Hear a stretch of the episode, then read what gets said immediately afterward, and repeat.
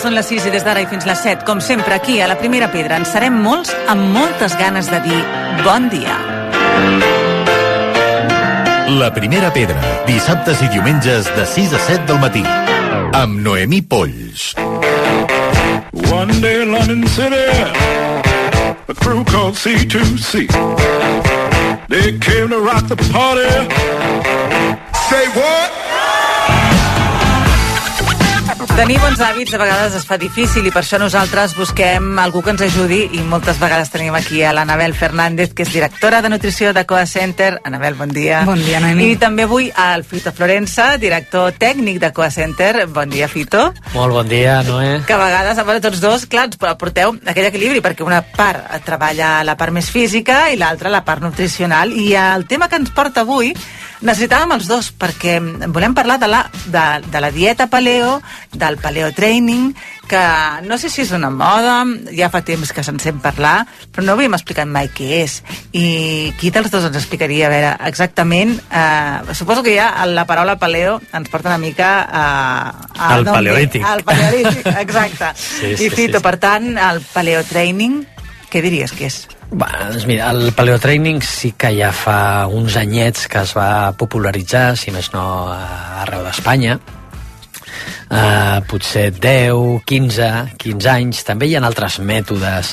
Uh, Es L'entrenament natural o moviment al MUFNAT o, en fi, no sé, ara inclús sí que més tard va sortir l'Animal Flow, però bueno, el, concretament aquest terme doncs, doncs fa referència a això, no? a com ens movíem eh, amb el paleolític, eh, fa referència a que és molt millor que els exercicis que fem habitualment a un gimnàs, com no sé, un cul de bíceps o extensions amb una politja de tríceps, doncs que al final eh, aquest mètode diu que hauríem d'entrenar segons les habilitats motrius bàsiques humanes amb les que naixem, les que ningú ens ha d'ensenyar, perquè la informació està als nostres gens, és a dir, un nen trepa de forma innata, gateja, camina, salta, corre, eh, està absolutament ajupit per descansar, no? I llavors el, que passa és que amb els temps que corren, doncs les cadires són altes, la, els llits són alts, el sofà, el vàter, i això fa que, que hàgim involucionat d'alguna forma, no? que estem en una espècie de zoo humà del que hem de sortir perquè hem perdut aquestes habilitats. Ja. No? Llavors, no, és, és, és bona idea i, és, i té, molt, té molt sentit moure'ns descalç, es digui paleotraining o no, eh? Que... Ja, això és un altre, no? El nom, que a vegades posem nom a tot i ens encanta posar noms i és una estratègia de màrqueting quasi. Sí, segurament sí, perquè al final inclús eh, alguns mètodes d'aquest tipus inclús fan referència a, no sé, aixecar pedres, troncs, i de fet no cal, no? De fet pots aixecar, no sé, una manovella, una mancuerna, pots aixecar qualsevol cosa, unes garrofes d'aigua, el que sigui. La bossa de la compra, quan vens de- del súper, no? Venir i potser aixecar una mica més de tècnica, la no? bossa de la com- i no cal que trepis a un arbre, tot i que seria fantàstic que poguéssim anar tots eh, dos, tres vegades a la setmana a un lloc mm, natural i trepar arbres i tocar natura, ensumar plantes, no? però bueno, en definitiva no cal sempre i quan treballem aquestes, aquestes habilitats motrius bàsiques humanes, que convé treballar-les, convé guanyar rang d'unitat articular amb força i aquests moviments doncs, és una forma de, de fer-ho molt interessant. O sigui, l'activitat física ben programada està fonamentada, primer, amb habilitats motrius bàsiques humanes. El que passa és que naixem amb aquestes, però... Les anem perdent. Clar, les anem perdent. Llavors ens hem de reeducar. És com si ens haguessin ficat en un zoològic uh -huh. Humà, doncs ens posen bambes molt ràpid, amb bastanta sola, no? amb, amb, la, amb, amb, amb algun calçat bastant estret, ja no et dic segons quines sabates de vestir de nenes, i això fa Ens que hagin limita. primer de restaurar les vides motrius bàsiques humanes, i a partir d'aquí després passar habilitats ja més divertides o més complexes. Uh -huh. I això va acompanyat també amb el concepte de dieta paleo, que, uh -huh. Anabel, eh, què seria la dieta paleo? Clar, la dieta paleo es basa, com ha dit el Fito, en, en què la nostra genètica es va fer, o sigui, la majoria de la nostra eh, vida eh, humana hem estat, eh, durant aquest paleolític, eh, alimentant-nos d'una certa manera. No? Llavors, es diu que la dieta paleolítica eh, ha ha de ser basada en vegetals, en fruita, eliminar els aliments processats, perquè evidentment no existien en aquella època, pots menjar tubercles, però no es mengen, per exemple, s'exclouen els cereals i s'exclouen també els làctics, que no hi havia perquè no hi havia ramaderia, I les llegums, perquè com estava domesticat, no teníem l'agricultura tampoc, doncs no es menjaven aquest, aquest tipus d'aliment. I, I, bueno, té sentit, eh, de fet, eh, pot tenir certs beneficis, es millora la salut cardiovascular, eh, tenim una millor gestió de la glucosa, no? o sigui, pot tenir certes millores aquesta dieta, però jo dic que té coses bones, però les coses que té bones no són les pròpies de la dieta, per dir-t'ho així. És a dir, eh, és bo per què? Perquè treus els aliments processats. Eh, I és bo perquè menges més aliments de qualitat, no? Mengen proteïnes de qualitat, tot, tot carn i peix, eh, mengen greix de qualitat, és a dir, es basen en aliments de qualitat, amb la qual cosa això és bo, però també ho fa una dieta saludable. Clar, Sí, sí. Per tant, moltes vegades, si la prenguéssim com a dieta base, eh, podríem fer passos enrere amb segons quin tipus d'alimentació que ja hem trobat que també ens ajuda i ens fa bé. Clar, a veure, pot ser saludable, o, o sigui, no, no dic que si tu treus les llegums, pots tenir una dieta saludable sense llegums, hi ha gent que no les pot consumir i no passa res. El problema és que eliminar-les això o els làctics, els làctics no són necessaris, els pots menjar o no, no hi ha cap problema però eliminar-les perquè en el paleolític es prenia o no no, té, no és un argument sòlid, per dir-t'ho així. Al final, al paleolític la gent no tenia ulleres i això no ho fa millor, el anar sense ulleres. O sigui, al final era la circumstància que es tenia en aquella època. Llavors, si anem a la ciència, menjar, per exemple, llegums té beneficis per la salut. Llavors, si tu no les vols menjar perquè no et senten bé o el que sigui, estupendo. O sigui, no passa res, no vol dir que no puguis tenir una dieta saludable però treure-les perquè el paleolític no es menjaven pues, pot fer una dieta més restrictiva, socialment més complicada, pot fomentar una mala relació amb el menjar, perquè moltes vegades totes aquestes dietes amb tantes normes, eh, al final, molta gent al final s'ho pren com un tipus de religió, llavors eh, és molt, molt estricta i bueno, al final acaba fomentant un pas enrere en la salut mental, sobretot. Llavors, Pot ser saludable? Sí. Eh, els arguments de que el paleolític es menja de certa manera eh, fan que els aliments que es menjaven siguin més saludables en, en contra dels altres que no es menjaven? Pues, home, si parlem dels aliments processats, sí, eren més saludables els d'abans. Si parlem de les llegums, pues, potser no. Eh, I també és veritat que amb els estudis s'està veient que la dieta paleolítica no era tan uniforme com es pensava. O sigui, deien, els, la dieta paleo moltes vegades diuen que era molt rica en carn, en peix, però no és així. Quan s'estudien les tribus que estan encarallades eh, a, a, a dia a dia d'avui, que seria com una, aquesta alimentació més paleolítica, o quan s'estudien eh, certs restos que es troben de, de, de gent del paleolític eh, i es veu una miqueta com podria ser la seva alimentació, es veu que era molt més rica en, en hidrats del que es pensava, també, perquè menjaven molt tubercles, fruites i coses així, i no menjaven tanta carn. O sigui, depèn molt de la, on es trobaven, la, la temperatura, tot Clar. el que tenien a l'abast, sí, sí, sí, perquè sí. menjaven segons el que tenien. De fet, ja a vegades podia ser una dieta limitada perquè la limitava la mateixa geografia. Sí, i tenien carences. De fet, mm -hmm. per exemple, la regla que nosaltres tenim ara cada mes abans no es tenia tant, perquè hi havia carences nutricionals, amb la qual cosa, eh, clar, mm, era millor? Doncs pues no ho sé, depèn, sí, depèn sí, una sí. miqueta. I també, evidentment, el que sí que s'ha d'acompanyar és el moviment, perquè al final sí que ens basem molt en eh, la dieta tal qual, bueno, si hem de fer alguna del paleolític, com deia el Fito, que sigui moure'ns, no? Clar. Que sí, això està bé. Exacte, agafem el millor del paleolític, però escolta'm, no renunciem a lo millor que ens ha demostrat la ciència Exacte. i que ens ha fet fer passos endavant, no? Actualment la gent que té diabetes no es mor, no? Uh mhm. -huh. Perquè hi ha un fàrmac i, clar, clar. segurament abans sí. Uh -huh. I mhm. aquesta persona podria ser la teva àvia, la teva mare, el teu fill o tu mateix. Sí, sí, està clar. Doncs hem de tenir, sobretot, relacions sanes tant amb l'esport com amb la dieta, eh? que la salut mental també ha d'anar en consonància amb tot això. Doncs, com sempre, tots dos, moltíssimes gràcies, Fito i Anabel. A tu, Noemi, bon dia. Moltes gràcies a tu i a tots els oients. La primera pedra, dissabtes i diumenges de 6 a 7 del matí. Oh, yeah.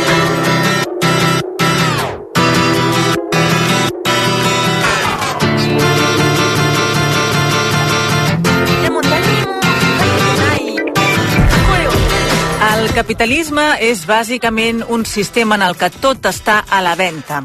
I quan més diners tinguis, més pots obtenir, i en particular això és cert per la llibertat. La llibertat és un dels productes bàsics que està a la venda. I si ets ric, pots tenir molt d'ella. És una frase de Chomsky i, a més a més, és un dels últims posts que ha penjat Bernat de Claravall, un estudiant de cinquè de Filosofia i Economia, una doble titulació que ofereix la Universitat de Girona, i ell, el Bernat, a més a més, té un compte a Instagram amb més de 150.000 seguidors parlant de filosofia i economia. Molt bon dia, Bernat. Hola, molt bon dia. Ara ho dèiem, penges coses com aquestes. Aquesta és una frase de Chomsky, però aquí també trobem Alejandro Magno, Epicteto, Nietzsche, és a dir, tot una quantitat de pensadors que jo no sé si avui dia, jo pensava que, que no estava gaire de moda seguir aquests arguments i tu estàs patant una mica, no?, per xarxes? Sí, efectivament. En el meu compte el que intento és divulgar economia i filosofia de manera que sigui accessible per tothom, que no faci falta saber molta filosofia per poder-hi accedir. I sí, és sorprenent, no?, perquè, com indiques, doncs dona la impressió que a vegades aquests temes a Instagram no poden tenir molta cabuda, però la veritat és que, és que sí, que està arribant a bastanta gent i estic molt content. Uh, tu com vas a decidir a estudiar filosofia i economia a la vegada? Doncs vaig acabar segon de batxillerat, no sabia què fer i l'economia sempre m'havia agradat per, perquè sempre m'havia agradat el tema de les probabilitats, els, la teoria de jocs i aquestes coses i quan vaig veure que hi havia també la doble titulació en filosofia vaig pensar, ostres, doncs això pot estar molt bé perquè no sé exactament què fer i fer les dues coses alhora doncs em pot anar, em pot anar molt bé i segur que m'interessarà i per això ho vaig triar. Creus que les coses estan canviant una mica pel que fa al món de la filosofia? Cada vegada tenim més ganes de saber-ne o encara queda molt camí per fer i encara estem una mica a contracorrent els que ens agrada la filosofia? Doncs no n'estic segur, no? Perquè per una banda pot semblar que, que potser abans doncs, es publicaven com més obres rellevants, potser, però també per altra banda hem de tenir en compte que a dia d'avui amb, amb, la, amb la tecnologia i amb, amb el fàcil que és divulgar i, i fer arribar el contingut a, a diversa gent, doncs també dona la impressió que més gent té accés, no? Perquè, per exemple, doncs està molt de moda parlar de l'estoicisme i, i d'aquests temes. Llavors, doncs, potser sí que, que hi ha més gent que, que està interessada, però clar, sempre arriba com de manera una mica superficial, no? Sense acabar de, d'aprofundir massa en els temes. Ens quedem amb els titulars, no?, amb els posts. Sí, sí, efectivament. Uh -huh. Creus per això que uh, en l'economia cal filosofia? Tu, de fet, estàs estudiant totes dues titulacions Sí. i cada vegada sembla que el món empresarial demana més filòsofs dintre les empreses. És a dir, jo crec que sí que es pot relacionar bé l'economia amb la filosofia, sobretot quan entrem en, en branques d'economia del benestar. Per exemple, quan es discuteix com s'ha de medir el benestar d'una societat, perquè ja sabem que el PIB per càpita i el PIB en general doncs, són indicadors que mesuren algunes coses, que mesuren la, la producció dins d'un país, però que realment no acaben de ser del tot útils per determinar exactament el, benestar d'una societat. Llavors, quan ens preguntem com hem de medir el benestar d'una societat, quin criteri s'ha d'adoptar, doncs moltes vegades es, es s'utilitzen arguments filosòfics i es recorre a filòsofs com John Rawls o, o Jeremy Bentham. Llavors, en aquest sentit sí que, sí que pot estar molt, molt relacionat i jo trobo la relació principalment en, en aquestes coses. Quan tu publiques, a on t'inspires? D'on treus aquestes fonts? De coses que vaig llegint, principalment. És a dir, jo quan llegeixo tinc el llibre, doncs vaig subratllant i després doncs també a vegades m'ho passo en una mena de flashcards per recordar-ho i guardo les meves targetetes i llavors doncs quan he de penjar una publicació doncs agafo el llibre i miro a veure què és el que tinc subratllat. I també doncs vaig a, prenent pòstits i els enganxo a la paret de, de la meva habitació i en allà tinc totes les idees. Sí, sí. Són els posts més físics, no? no virtuals. Sí, sí, efectivament. Mm -hmm. uh, qui creus que és el teu seguidor? El meu seguidor segurament deu ser una persona que, que no sap molta filosofia, que tampoc sap molta economia, que senzillament li agraden aquests temes, però que, o sigui, que evidentment no, no ha estudiat filosofia i no, i no ha estudiat economia. Senzillament la, la persona promig, però que té interès a, en aquests temes. Mm -hmm. On t'agradaria i on et veus uh, en el futur, una vegada ja acabis aquestes dobles llicenciatures, la de filosofia i la d'economia? A mi m'agradaria dedicar-me a la recerca i a, i a l'estudi acadèmic. Llavors, segurament m'agradaria ser professor d'universitat o poder-me dedicar, si no, a l'educació secundària o, o ja miraré, però m'agradaria dedicar-me a això perquè realment m'agrada molt. Ara estàs a cinquè, no? Sí, sí, acabo ja aquest any, si tot va bé. Uh, voldràs fer doctorat o...?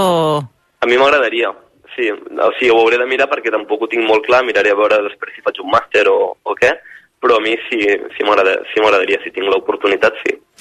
Uh, la gent que et vulgui trobar, et trobarà en el compte d'Instagram Bernat de Claravall, Sí, o si busquen filosofia, filosofia economia tot junt, també els hi sortirà. Filosofia Economia, exacte. Doncs moltíssimes gràcies, Bernat, i que vagi molt bé. Moltes gràcies a vosaltres.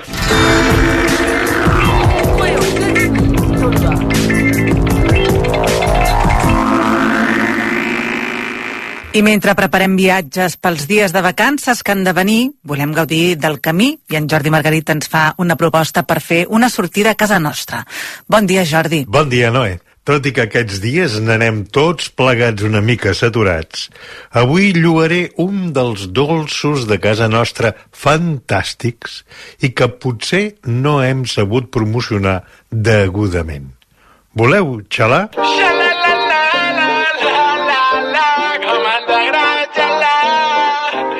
Sempre he dit que els italians tenen el gen del màrqueting incorporat al seu ADN. Com s'entén, si no, que la pizza sigui un dels menjars incorporats a la dieta de mig món i part de l'altra. Les nostres coques de recapte no tenen res a envejar-li. Si no vigilem, l'anomenat Prosecco desbancarà el cava o corpinat de casa nostra. I atenció, el panetone ja envaeix els àpats nadalencs.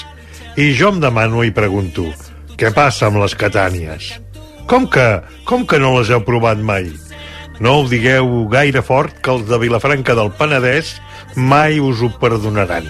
Vinga, a xalar!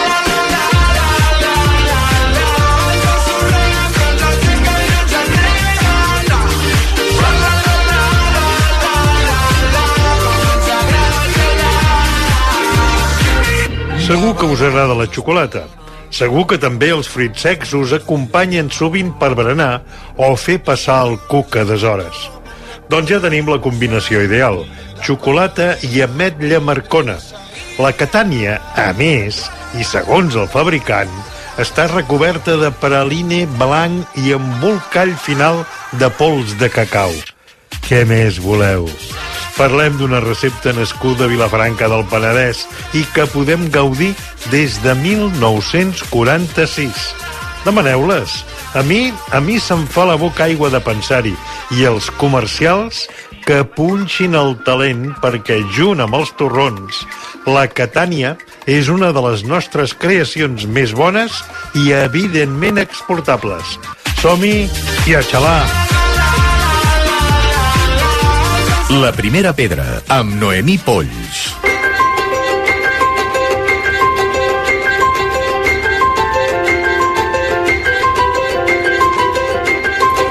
Moltes vegades quan triem un llibre, l'editorial és tota una referència. Per nosaltres, l'editorial Captain Swing és una de les nostres referents i avui volem parlar amb la Blanca Cambronero. Blanca, bon dia, buenos días. Buenos días. Eh, perquè ens posi una mica al dia i ens dongui les novetats de l'editorial. No volem que se'ns escapi res. I ella ens proposa tres títulos. Blanca, ¿qué tres títulos nos propones de vuestra editorial? Bueno, pues yo, yo os invito a acercaros a Esto es propaganda vegana, eh, El cosmos desordenado y Un manicomio en el fin del mundo. Uh -huh. I comencem per aquest Esto es propaganda vegana, que mm, el subtítol seria Y otras mentiras de la industria cárnica. Sí, este libro es, eh, bueno, está escrito por eh, Ed Winters, que es un activista por los derechos de los animales y por eh, que intenta explicar un poco cómo la, bueno, la opción de vida vegana es más sostenible y más, eh, bueno, respetuosa con, con, los animales y con, con, el resto de seres vivos con los que convivimos en el planeta. Y en este libro lo que hace es una especie de, de por decirlo así, de, de primera aproximación o de explicación mmm, no básica porque es muy profunda y está muy bien eh, eh, documentada, pero sí una, una explicación completa y, y, adecuada para todas las personas que, que a lo mejor no se atreven o no, o no o desconocen muchas cosas sobre sobre lo que significa bueno la filosofía vegana, ¿no? El, el ser vegano y qué implica y por qué él llega a esa, él explica su propio recorrido y a través de su propio recorrido también explica un poco en qué consiste ser vegano, desmitifica muchas muchas cuestiones que, que se han construido en torno a, a, a la concepción de qué es eh, el veganismo y bueno, está todo además muy documentado. Con él ha, entrevistado a, a, desde consumidores de carne y consumidores veganos a, a personas que trabajan en mataderos, a personas que crían animales eh, para, para consumo cárnico. Entonces, bueno, mediante toda esa investigación, él eh, lo que hace es como desarrollar su teoría de por qué eh, el veganismo es la opción más sostenible, más respetuosa. No? Uh -huh. Aquest pel que fa, diríem, a crisi climàtica, a què podem fer eh, i, per tant, que ens situa en el món del veganisme, però també un manicomi en el fin del mundo. Per què aquest títol? Bueno, este es un título que además yo creo que es muy interesante porque, porque es una historia real, eh, es una historia de estas épicas de, de, de, de, la época de los exploradores y es una historia muy curiosa de supervivencia, muy extrema, en el que, bueno, hacen una expedición con un barco, a, era la época en la que intentaban llegar a, al Polo Sur y entonces eh, hacen una expedición a la Antártida y, bueno, la expedición sale mal, hay un momento en el que el tiempo se pone muy, muy en contra y se quedan anclados en, en, en uno de los mares eh, congelados eh, llegando a la Antártida y el capitán, pues en vez de dar la vuelta antes de llegar al punto de no retorno, decide continuar por el, por el afán de fama ¿no? y, de, y de conseguir la gesta. Eh, no lo consiguen, se quedan anclados y entonces se tiran meses aislados en, en la época en la que es eh, siempre de noche y bueno, eh, es una historia de supervivencia en la que se vuelven ca casi todos locos en esa noche eterna en la que además pasan muchísimo frío. Eh, lo curioso de esta historia además es que mmm, consiguieron sobrevivir la mayoría gracias a, a, bueno, el buen hacer de, sobre todo de dos de las personas que iban allí y una de ellas era ni más ni menos que Roald Amundsen, que luego fue la persona que llegó al Polo Sur por primera vez y que siempre se dijo que la experiencia en el Bélgica, que es el, el barco, el nombre del barco de esta expedición, fue fundamental para que él luego como explorador consiguiese todos los retos que consiguió posteriormente. Aprendió mucho porque en esta expedición era jovencísimo.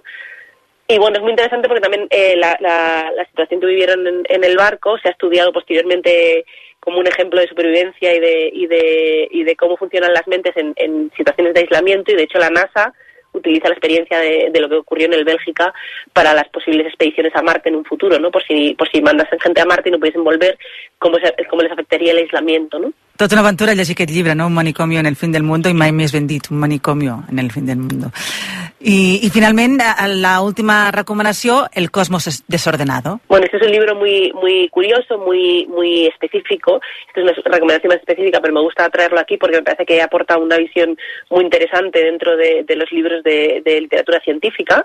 La autora, eh, Chanda Prescott, Prescott, Prescott Wellstein, es una autora que, que escribe a la vez una carta de amor en este libro a la física, que es su campo de investigación, a la física de partículas eh, específicamente, pero a la vez hace un, sobre todo un análisis y un, y un llamamiento a entender que, bueno, que la ciencia muchas veces está entendida como algo muy objetivo de datos y de, y de eh, investigaciones que no, que no se pueden discutir, por decirlo así, porque, porque es todo preciso ¿no? y, exacto, y sin embargo ya lo que dice es que como, como todas las las áreas y todas las cuestiones en las que intervenimos los humanos está marcada por, por sesgos y por prejuicios. Y entonces ella, en este libro, lo que hace es, una, por un lado, un, una carta de amor a la física, pero por otro lado, una denuncia de que la física y las ciencias en general están atravesadas por, por los prejuicios y por la, la desigualdad de género, de, de raza, de, de, clase, y que hay que tenerlo en cuenta a la hora de abordar y que la ciencia y sobre todo estos campos de, de ciencias puras tienen que ser accesibles, tienen que estar, eh,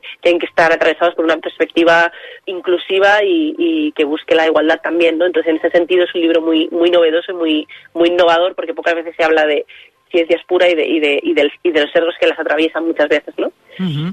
Per tant, tota una carta d'amor, com deies, a, a la física, aquest El cosmos desordenado. Doncs aquí les tres propostes que ens feia ara Blanca Cambronero, l'editora de Capitán Swing. Muchas gracias. Gracias por invitarnos siempre y por poder darnos el espacio para hablar de los libros. Un abrazo. Abrazo. Hasta luego. La primera pedra, dissabtes i diumenges de 6 a 7 del matí, amb Noemí Polls.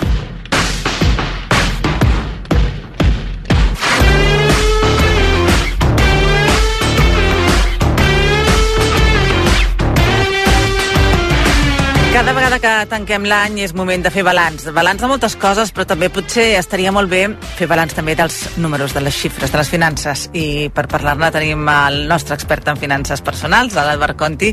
Edu, molt bon dia. Molt bon dia, Noé, què tal? És que és un bon moment per fer aquesta revisió, no? El millor moment. Sí, i suposo que primer és potser pensar amb l'economia que, que hem tancat ara, és a dir, com tanquem per abans de començar totalment, a l'ordre? Totalment. Eh, abans de començar a planificar l'any que ve, el que hem de fer és analitzar com ens ha anat econòmicament l'any que s'acaba, eh, el 2023. I això com ho mesurem, no? És la pregunta. Doncs ens podem fer algunes preguntes. Per exemple, a nivell d'ingressos, he obtingut els ingressos que jo havia previst que obtindria al llarg d'aquest any? Les meves despeses s'han mantingut sota control? O tinc la sensació de que he gastat més del que, del que esperava. He aconseguit estalviar? Això és molt fàcil. O has estalviat o no has O no estalviat. estalviat, I si has sí, sí. estalviat és una xifra, amb la qual això ho podem saber. I després també una altra mesura important és si estem més endeutats que l'any passat o menys. Eh?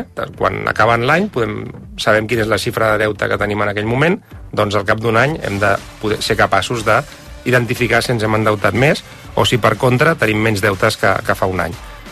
Um, una altra cosa que ens hem de, de preguntar és si hem aconseguit complir els objectius que ens havíem marcat fa un any. Eh? Um, és veritat que no, que no tothom té objectius. De fet, moltíssima gent No té objectius, comença els anys exacte. sense... exacte Anem, sense, anem adaptant-nos a tirant, les circumstàncies, allò d'anar tirant, exacte. Clar, però això, en el fons, és un problema perquè el que ens està dient és que no tenim un pla, sinó que simplement anem tirant. No? Ens van entrant uns diners, els anem gastant, però ho fem d'una forma, mm, diguéssim, improvisada, no? És com un, no? un freestyle de, Exacte. econòmic, no? Sí, sí, de manera molt irracional, i això Sí. eh, ja tenim clar en, aquí, en aquesta Mhm. secció que no és bo, oi? Exacte. I després hi ha, hi ha molta gent que, ja ho saps, molt amoïnada pel tema dels diners, una de les grans preocupacions que tenen moltes famílies, això genera molt estrès, és el famós estrès financer, inclús amb problemes per dormir, dormir per les nits. Aleshores, respondre a aquestes preguntes concretes que ara t'he dit, Mm? el que ens permet és identificar on s'han concentrat les nostres dificultats amb els diners, no? I, i així podem identificar quines són les àrees de millora, llavors és quan també, per això és tan important fer això, perquè això ens permet no, sentar les bases del que ha de ser el pla de, de l'any que ve, no? Uh, si busquem resultats diferents no podem fer sempre el mateix, no? Llavors Clar. vol dir que si no estem del tot conformes amb com han anat les coses, quan fem aquest anàlisi, doncs vol dir que hem de fer les coses d'una manera diferent, hem de reconèixer els problemes, que és el primer pas per començar-los a resoldre. I per tant, si ja hem analitzat aquest any que s'acaba, eh, hem reconegut quines són les nostres principals dificultats econòmiques, què fem? Ara ens toca definir quins són els nostres objectius econòmics per l'any que comença, per l'any 2024. El gran repte que ens hem de plantejar de cara al nou any és resoldre aquests problemes que hem identificat, aquests problemes econòmics que hem assenyalat gràcies a poder haver fet aquest anàlisi de l'any que s'acaba. I això, que no és fàcil, ni s'aconsegueix d'un dia per l'altre, eh, doncs ho podem concretar establint d'una banda metes clares i realistes.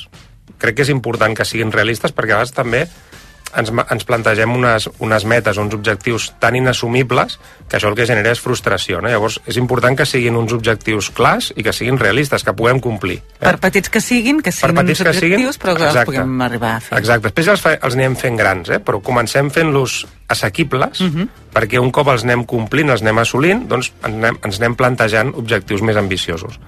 Llavors també, al costat d'aquests objectius que ens hem marcat, hem de posar en pràctica accions concretes que ens ajudin a complir els, els, els objectius. No s'hi val només en dir, mira, jo el que vull és reduir el meu endeutament. Bueno, ja, com ho faràs, no?, concretament? Doncs posem en marxa accions. Per exemple, si l'any 2023 no hem pogut estalviar perquè hem gastat massa diners, i quan fem l'anàlisi del 2023 veiem que la despesa mensual en restaurants que hem tingut, per exemple, ha estat de 500 euros, um, doncs no fa falta que deixem de menjar fora. Per això et dic, objectius realistes, seguirem anant a menjar fora, però sí que el que podem fer és posar, posar un límit en, el, en la despesa en restaurants no? mensual. Mhm. Si aquest límit, per exemple, és de 300 euros, el que estem fent és alliberar 200 euros que poden ser Per l'estalvi. per l'estalvi, no? Mhm. Per exemple, és un exemple una mica numèric, bàsic, no? Però eh, això és un Simple. exemple d'una acció concreta i que sempre parteix d'aquest anàlisi previ. Si no fem l'anàlisi previ, si no sabem el que ens està passant, és impossible que ens marquem objectius. Mhm. I per fer aquest control econòmic, per gastar menys en restaurants i poder estalviar seguint l'exemple, suposo que ens pot ajudar molt tenir un pressupost. Totalment, aquest, és el, aquest seria el tercer punt. Eh? Després d'analitzar l'any que s'acaba, de posar uns objectius, hem de fer un pressupost pel 2024. Fer un pressupost és una de les claus eh, d'una bona planificació financera, de les finances personals, de l'economia familiar. I un pressupost el que és és una previsió. És una previsió d'ingressos i despeses de l'any de l'any que comença, de l'any vinent. Um, no ens hem d'oblidar, molt important, de les despeses estacionals, com poden ser les vacances, la tornada a l'escola... També hem de tenir present que hi ha despeses que no veiem venir, que són les despeses extraordinàries, com poden ser uh, la compra d'una rentadora o d'un electrodomèstic que s'ha espatllat, com pot ser l'ortodòncia d'un fill o d'una filla, que, que Sí, això sí. costa molts diners i que, i que a més a més arriba de cop, no? Sí, I poden sí, ser sí. 2.500, 3.000 euros. Mhm. I, i d'altra banda, com que no sabem què passarà en el futur, no tenim una bola de cristall, eh, hem d'agafar l'any que s'ha acabat, el 2023, com una referència. No? Um, I, a, a, a més a més d'aquesta referència, de, de, sobretot a, a nivell de despeses i també també d'ingressos, però sobretot de despeses, hem de fer els ajustaments que siguin necessaris d'acord amb les circumstàncies que ja sabem que, que tindrem l'any que ve. No? Uh -huh. um, després, evidentment, a mesura que l'any avanci, podem anar fent adaptacions, podem anar fent canvis, i, per exemple, si ara ja sabem, al mes de desembre ho sabem, lògicament, que al mes de febrer-març tindrem un fill, no? Home, doncs, evidentment. Normalment, dos o tres mesos Hem abans se hem sap. de reajustar, llavors. Doncs això vol dir que això tindrà un impacte sí, sí. en el pressupost, lògicament, no? I perquè la nostra despesa pujarà. Tindrem una nova despesa en bolquers, el cotxet, la roba, el menjar, despeses de salut, una guarderia més avançat l'any, potser, no? Mhm. eh, clar, això és una cosa que sí que la veus venir i té que traslladar-se en el pressupost de l'any que ve. Evidentment. Com ens podem protegir davant d'aquesta incertesa del futur? Mira, aquí entrem al darrer punt i penso que per protegir-nos el que ens ajuda molt és planificar l'estalvi i la inversió. Um, en primer lloc, si la nostra situació econòmica ens ho permet, ens hem de marcar objectius d'estalvi mensuals i anuals. Eh? És a dir, xifres concretes. Si ens estem gastant tot allò que ingressem, el que li passa a la nostra economia és que es queda sense marge de maniobra davant de qualsevol tipus d'imprevist. No tenim marge de maniobra perquè ens ho estem consumint tot. I tampoc podem acumular diners que ens permetin complir objectius de futur. No? I objectius de futur poden ser molt diversos, des de fer un viatge l'estiu que ve o d'aquí dos estius, fins a objectius més importants, com poden ser el desig de comprar-se un pis, per exemple. Si tu no vas fent feina any a any, aquest objectiu és impossible, no, no hi arribaràs mai, mm. perquè no tindràs aquest estalvi que et permet fer pagar l'entrada, etc. no? Llavors, a l'estalvi, a mi m'és igual la xifra. O sigui, poden ser 50, 200, 500 euros, el que sigui. Uh, jo crec que és important que estalviem d'acord amb les nostres possibilitats. Sí que podem pujar una mica el, el llistó, però eh, ha de ser un, també un altre cop tornem al realisme, no? ha de ser una, un exercici de realisme, hem de poder estalviar una xifra que puguem estalviar. Per això no m'agraden els percentatges que alguns experts recomanen de dir has d'estalviar un 20% dels teus ingressos. Home, i, i, si, I si ingresses 1.000 euros? Clar. que has d'estalviar 200 és diferent ingressar 1.000 que ingressar 10.000 per tant el 20%, per- el 20 aquest és, és un mal consell no? jo crec, crec més amb, amb les xifres que la nostra economia pot aguantar llavors també l'altra pregunta és com ho fem per estalviar, no? Perquè estalviar també és, teòricament, tothom podria estar d'acord, però com ho fem? Doncs hi ha una mesura molt fàcil que és el primer que fem cada mes, el primer, és estalviar.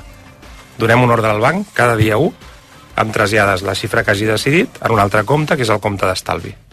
I així ja no és el que ens sobra, sinó el primer que fem cada mes, que és pagar-nos a nosaltres mateixos. Aleshores, amb aquests diners que fem, no? un cop ja hem pogut estalviar, en primer lloc hem d'acumular un fons d'emergència per tenir la seguretat i tranquil·litat que ens permet fer front a aquests imprevistos que abans dèiem. No? I de quan ha de ser el fons d'emergència? Doncs tornem. Ha de ser una xifra que ens podem permetre. Hi ha recomanacions que parlen d'entre 3 i 6 mesos de despeses. Això seria l'ideal. Eh? Si podem arribar, perfecte. Però si no podem arribar, i, i el que podem és tenir un fons d'emergència de 300-500 euros, perfecte. Això també ens servirà per, per fer front a aquestes, a aquestes incerteses del futur. Aleshores, també, un cop ja tenim aquest fons d'emergència, és quan ja podem començar a pensar en invertir, que és l'altre, ja seria el final, no?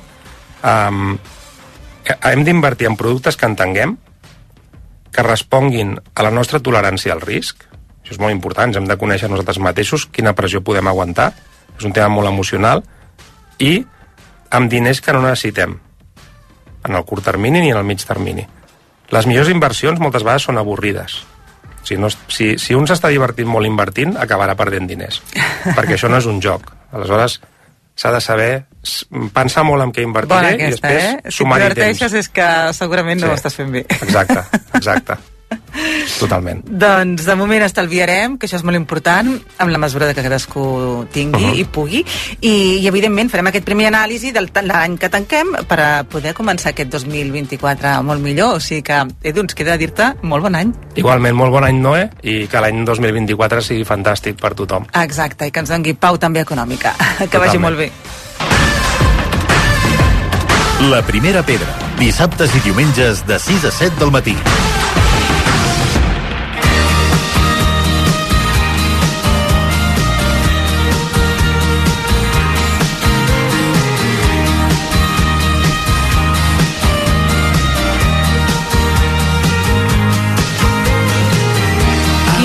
Pensi que viatjar és necessàriament car està equivocat. Fa un parell de temporades vam entrevistar una parella, Marc Magem i la Cristina Pérez, autors del llibre Ànimes viatgeres, que s'havien proposat fer mm, Barcelona-Oman en autostop i sense fer servir hotels. Avui parlem amb el Marc Magem. Marc, molt bon dia. Hola, bon dia. I ho heu aconseguit? I tant. Escolta'm, Déu-n'hi-do, clar, amb, amb quant temps ho heu fet? Comencem pel principi. Doncs 10 mesos, hem tardat des de, exactament des de Girona fins a Oman, 10 mesos. 10 mesos. Per on heu passat?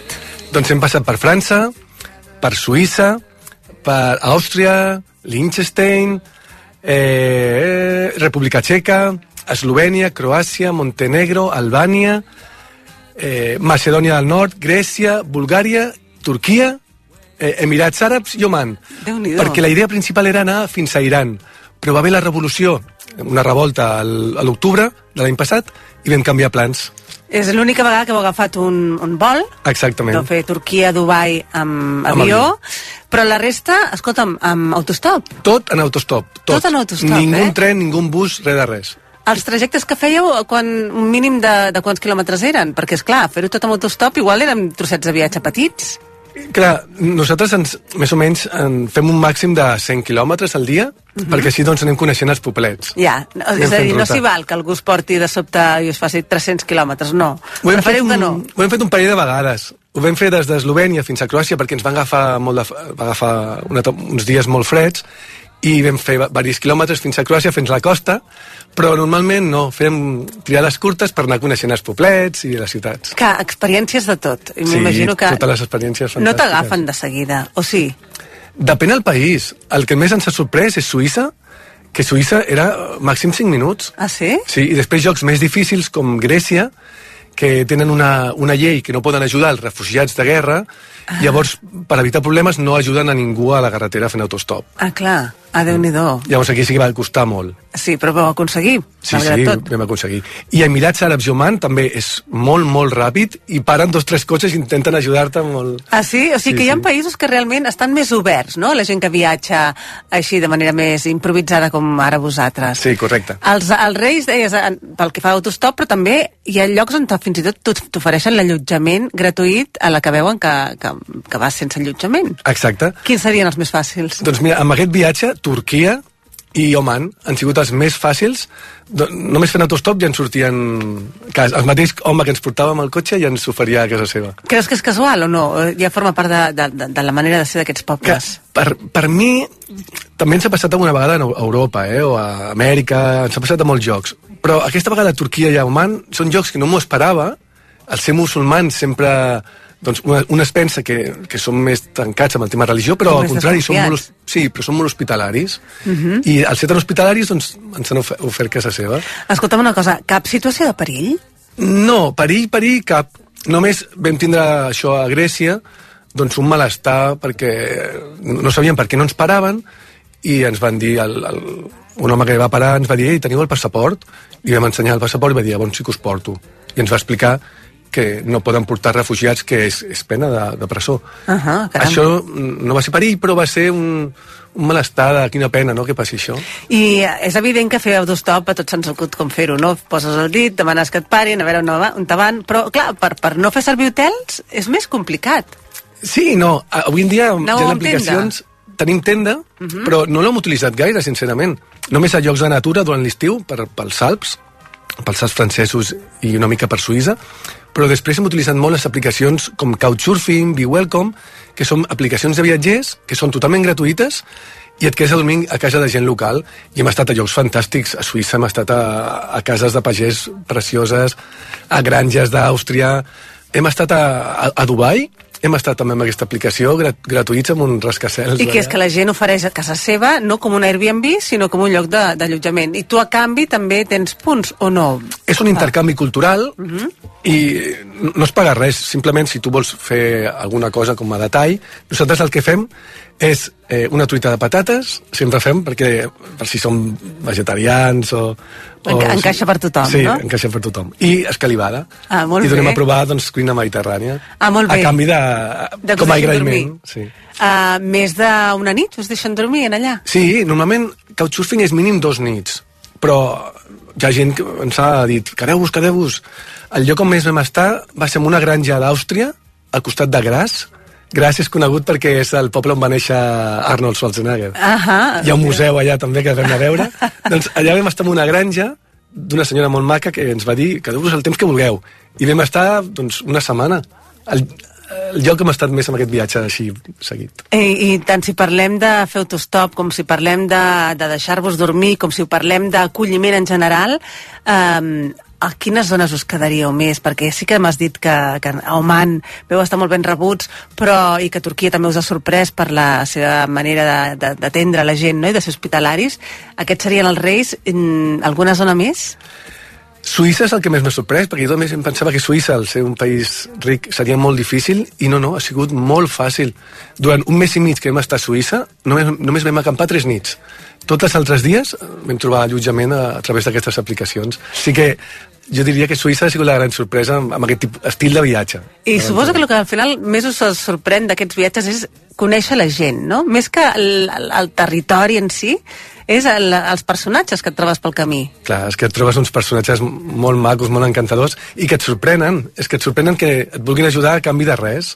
Això Ara- és el que més... Ara em deies que també us havíeu cre- creuat amb l'Albert Casal, que és un noi que va amb cadira de, de rodes i que a més a més està fent també, el, no sé si la volta al món, però com a mínim va per tot el món eh, viatjant així. Sí, ell sempre està viatjant i ell estava fent un viatge des d'Esparreguera fins a, ah, em va dir, a la Índia... No, fins a Mongòlia.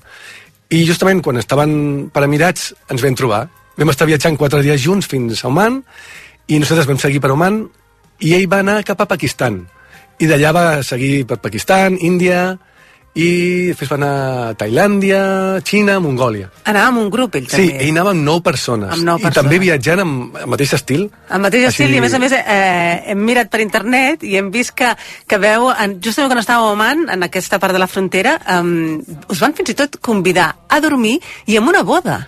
vam conèixer el ministre de Treball d'Oman en un restaurant i ens va convidar als 11, érem 11 en total, a casa seva i vam estar tres dies a casa seva Una casa amb piscina. Sí, sí, casa amb piscina, ens va pagar tot el menjar i a sobre, eh, els dies que vam estar allà vam conèixer una parella que es anaven a casar i ens van convidar a la boda. Això és el que vam veure. Sí, sí, molt xulo. Uns rituals, a més a més, molt diferents i, i, i certament, tu parlaves abans de la religió, una religió que aparentment és tancada, però que en canvi amb vosaltres van ser superoberts. Fins i tot per deixar-nos entrar a una cerimònia com pot ser un casament. Exacte. Els únics requisits era que portessin pantaló llarg, samarreta de màniga curta, perquè nosaltres portàvem un estil de viatge d'aventura, no portàvem roba d'arreglar. I ens va dir que cap problema.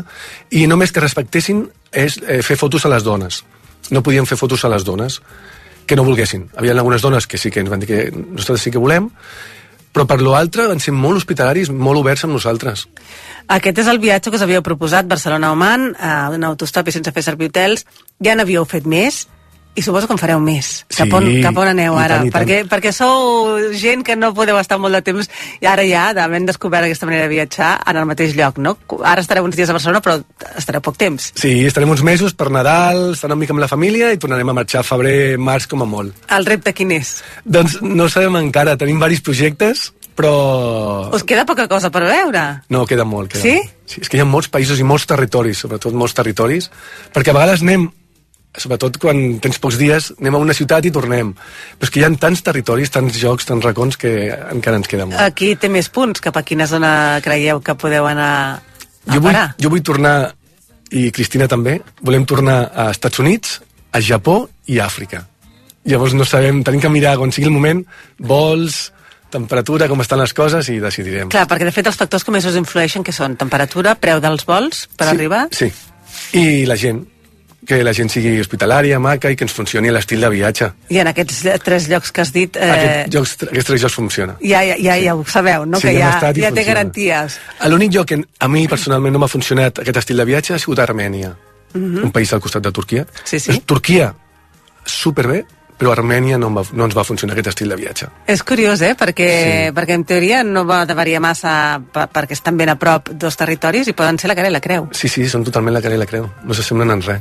Només en el menjar, que està boníssim. Doncs, escolta, ens agradarà molt que torneu i que ens expliqueu els propers, les properes aventures perquè qui digui que viatjar és car eh, està equivocat, no? I tant. Es pot... Només... El que tens que tindre són ganes. És el més important. Tindre ganes i perquè diners no fa falta tants diners. Ara, com us deia, ens vam trobar l'Albert Casals, ell viatja sense diners, i tots els seus amics també. Tenen doncs, una mica per als vols, però després ells viatgen sense diners. I nosaltres viatgem amb pocs diners. Sigui que els diners no són tan importants, i si et fa falta diners pel camí, doncs pots treballar de qualsevol cosa.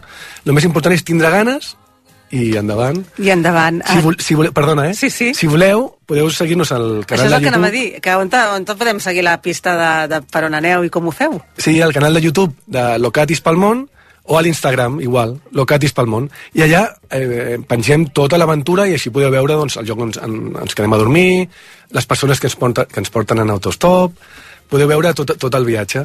Doncs és fantàstic, ja ho sabeu, Locatis pel món, que ja n'havíem parlat amb ells i que ara ens han volgut explicar això, la seva aventura des de Barcelona fins a Oman, en autostop i sense fer servir hotels. Per tant, qui pensi que viatjar és necessàriament car, està equivocat i aquí la prova. Doncs Marc, ens agrada molt parlar amb tu, que vagi molt bé i que seguiu viatjant molt. Moltes gràcies, Noemi, moltes gràcies.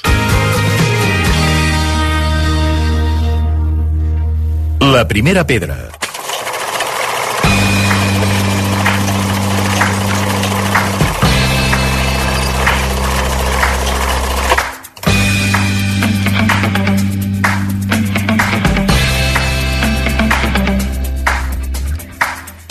Joan Maria Morros, bon dia. Bon dia. Són els dos darrers dies de l'any. Sí.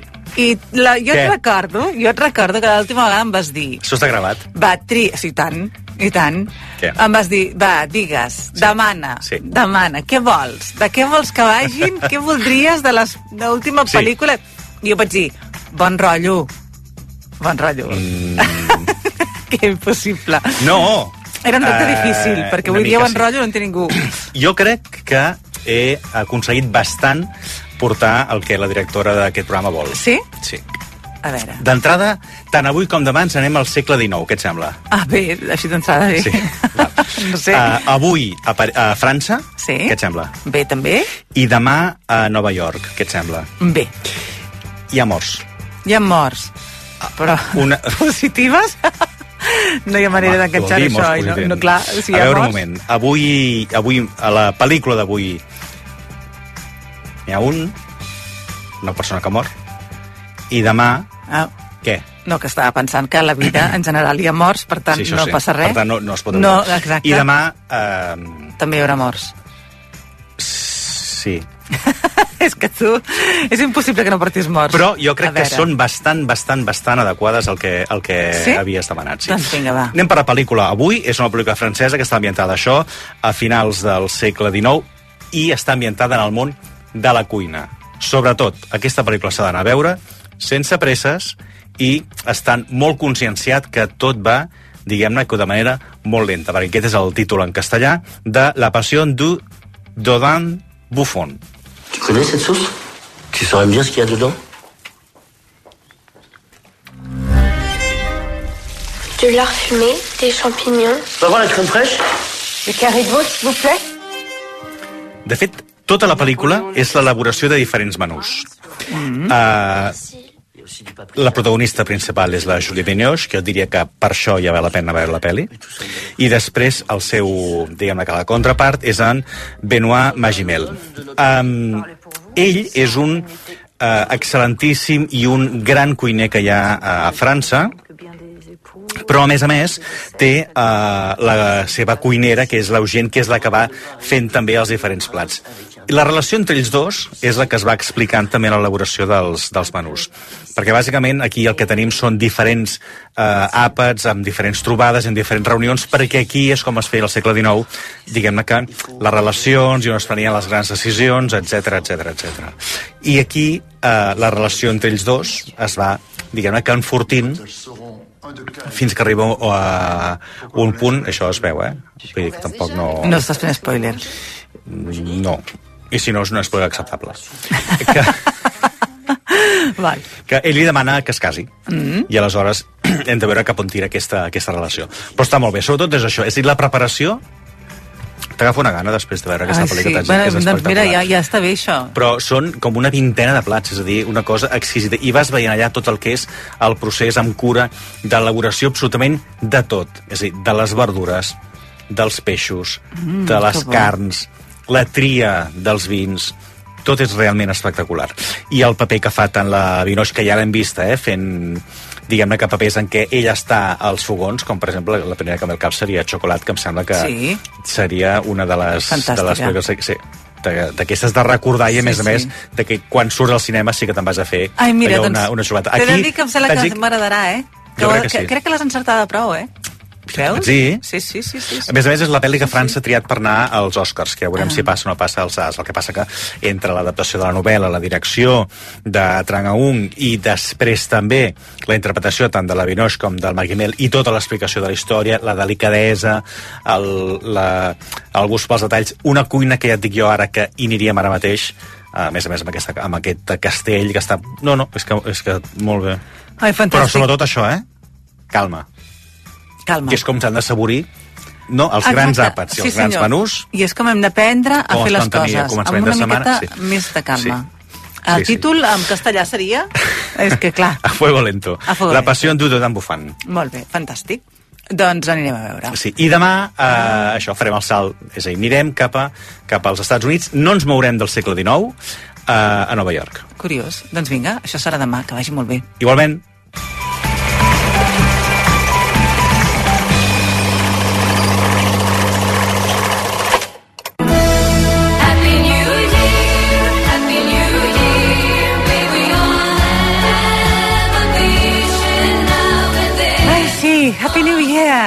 dia. Escolta'm, això ja s'acaba aquest any, eh? Ah, s'acaba l'any, però les festes encara falten. No, no, encara en queden, i queden les de més Ballaruca, que són les que seran nosaltres. Correcte! I no pot faltar Eurovisió, sí senyor. Exacte, perquè de Nadal, Cap d'Any, i jo aquí, com sempre, amb cançons per uh, Rebella, que, Eurovisió és ple de hits. Sí, sí. I aquesta temporada, més, farà 50 anys de la victòria d'Ava, trobo que havíem de començar amb Home. ells, amb el Happy New Year, i, evidentment, amb Waterloo.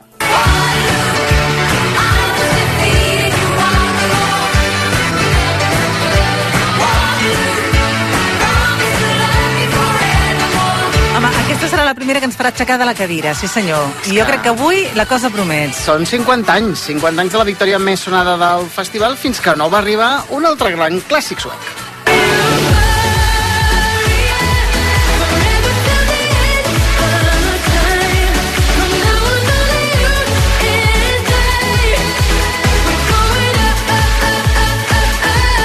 Lorin, l'única dona que ha guanyat Eurovisió dues vegades a la història. Aquest tema és històric i el nou, tu diràs.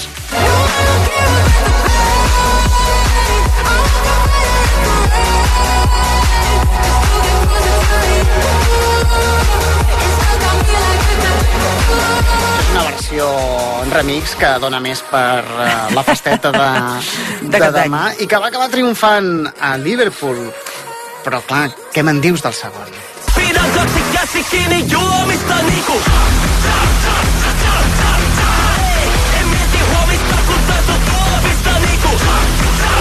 Aquesta, aquesta també fa ballar molt, eh? Home, és que ja et vaig dir que el Liverpool revolucionava Sí. el cotarro Sí, sí, sí, a sí. tot arreu com passava i estic segur que demà sonarà a moltíssimes festes d'Europa. Cària i Alessandra.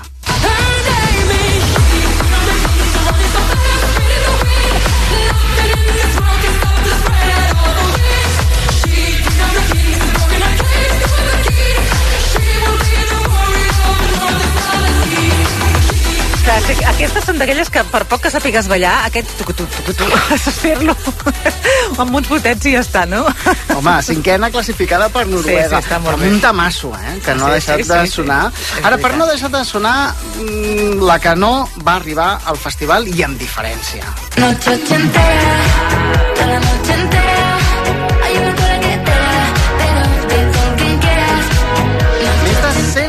Milions de reproduccions a Spotify. Encara és una de les 50 cançons líder en vendes. I només té un any, eh, Noche Entera.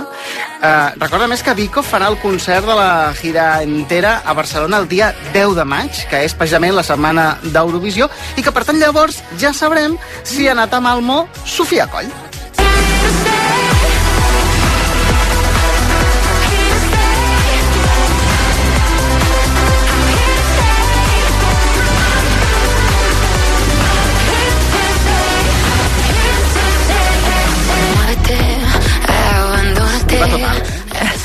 Diva total. Sí, sí. És diva total. I que segueix sent primera a les enquestes del Benidorm Fest. Igualment, Spotify guanya el Macor.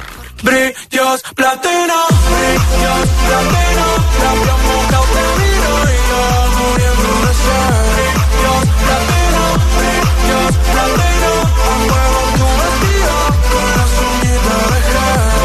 La que això és una rebella del copón, eh? Però mira, aquestes dues últimes no són les que més, de moment. Bueno, perquè acaben pot d'arribar fa un any amb Noche Entera, encara No, érem no. quatre els que la Clar, sentíem i encara jo havia d'anar dient no, aquesta és una cançó que No, és va a veritat, Benidorm és veritat, és veritat. i tal, i després I ara, mira el que ha acabat a sent, eh? M'encanta. Vull dir que... És de les que més. Ara igualment, a mi posa'm qualsevol que jo totes te la banyo. Això sí, i ho he vist, perquè estaves ballant-les totes. bueno, i que si vols que balli, ja ho, ja ho saps. Video, mo,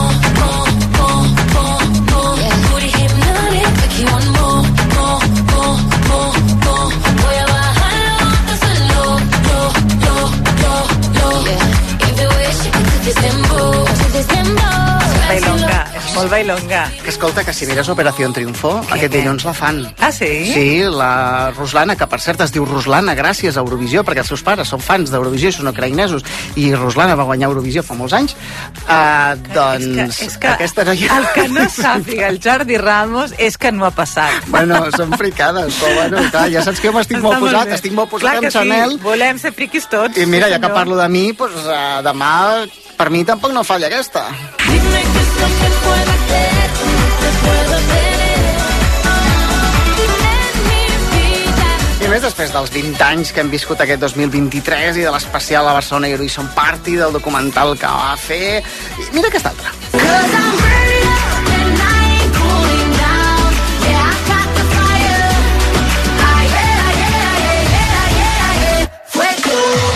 Eleni Fureira. Ai, és que estan totes molt ballables, eh? Segona el 2018 per Xipre. Fa 15 dies encara la sentia en una discoteca. És que aquesta no falla mai, No, com no. tampoc no fallen mai les Azúcar Moreno.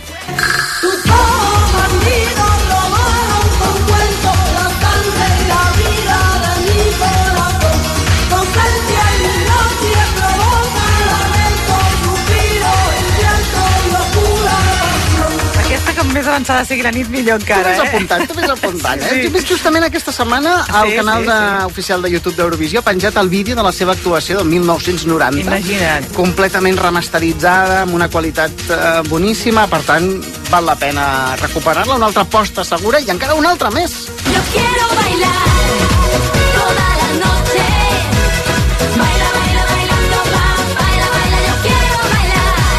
tots els eh, família Eurofans ho recordem, però encara hi ha gent que no se'n recorda que aquesta era una cançó candidata per anar a Eurovisió el 2001, tot i que no ho va aconseguir.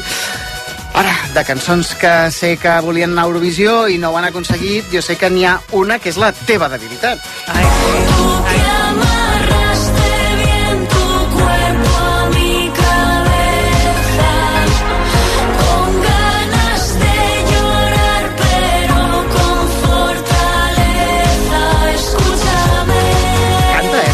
No, no, estava sí. aquí movent els llavis, però no, no vull, no vull, no vull destrossar la cançó.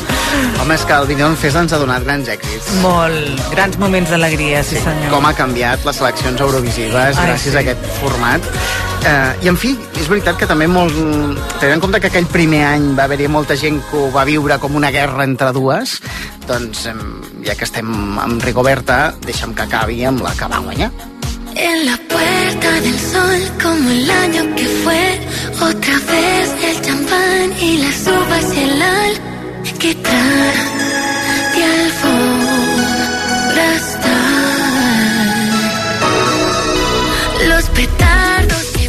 Clar, és que ves per on Sí, sí, Chanel sí, ha sí, fet ja una versió de Mecano del Un año más. És veritat. Trobo que n'hi ha manera més adient de Home, penjar un especial de és cap que d'any. acabes de tancar el cercle com només ho podia fer Jordi Ramos. El cercle Eurovisiu del 31. Bueno, és que si no ho poses Chanel aquesta... i amb aquesta de Mecano. Chanel, per cert, que treu disc el dia 12 de gener. Ah, sí? 12 de gener. Doncs mira, estarem pendents segur, segur, segur que ens ho explicaràs. Espero que sí. Doncs escolta'm, que tinguis molt bon any, Jordi, a ballar, a ballar, a ballar. a ballar. Igualment, molt bon any a tothom. Marineras, soldados,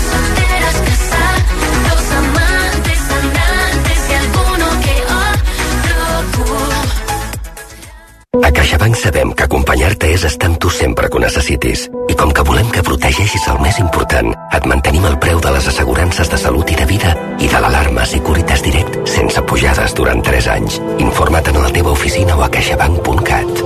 CaixaBank. Tu i jo. Nosaltres. S'aplica les assegurances MyBox.